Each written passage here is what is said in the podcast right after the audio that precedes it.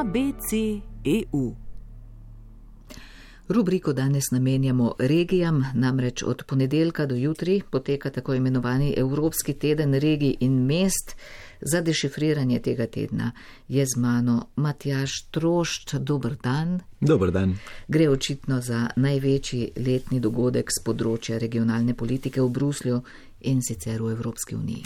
Ja, odbor regij je nekakšna osrednja regionalna institucija in tako tudi recimo temu, recimo temu zvezda Evropskega tedna regij uživa v teh dneh največ pozornosti javnosti. Sicer je bolj tiha organizacija oziroma kot ti pravijo posvetovalno telo, ampak v teh dneh se tam kar marsikaj dogaja, razni seminari, nastopi, pogovori, predstavitve in na spletni strani se hvalijo, da so postali edinstvena platforma za komuniciranje in mreženje, ki povezuje regije in mesta z vse Evrope, vključno z njihovimi političnimi predstavniki, uradniki, strokovnjaki in šolniki. In tako je že vrsto let, začetki segajo celo pred slovensko članstvo v Uniji. Ja, prvi tak dogodek je bil leta 2003, se pravi slabo leto pred vstopom Slovenije v Evropsko unijo. Zdajšnje ime je Evropski teden dobil leta 2016. V tem tednu naj bi se v palači odbora regi zvrstilo okrog 10 tisoč udeležencev, med temi približno tisoč govorcev. Čez kakšne pol ure bo denimo prioritete slovenskega predsedstva predstavil predsednik vlade Janez Janša. Kaže, da je regionalna politika kar pomemben del evropskih politik, če si celo zasluži svoj teden.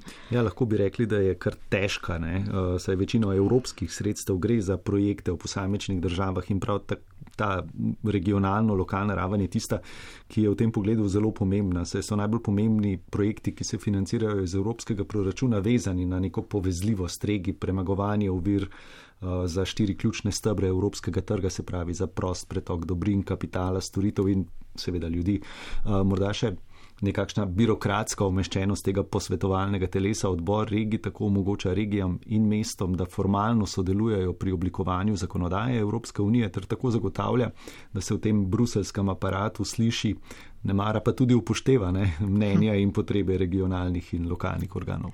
Ja, je pa Brusel eh, tudi sicer ena najbolj bogatih regij po bruto domačem proizvodu na prebivalca v Evropi. Ja, a ne najbogatejša. To je Luksemburg, ki je seveda tudi država. Dosega pa kar 260 odstotkov, glede na povprečje v Uniji, več kot dvakrat eh, povprečje presežejo še južni in srednji deli Irske, Praga na Češkem in eh, omenjeni Brusel v Belgiji. Slovenija je v tem pogledu razdeljena na modro zahodno Slovenijo, ki rahlo presega povprečje EU pri 106 odstotkih, in pa vzhodni del, kjer so leta 2019 bili pri 73 odstotkih, glede na povprečni BDP na prebivalca v Uniji. Kot rečeno, podatki so iz leta 2019, zbrani pa so na stranih Evropskega statističnega urada Eurostat. Ja, ampak glavna mesta, regiji, držav in tako naprej so kar v vrhu najbrž. Imajo pa svoje zakonitosti. Ja. Hvala lepa, Matjaš Trošt in se vidimo naslednjič. Srečno.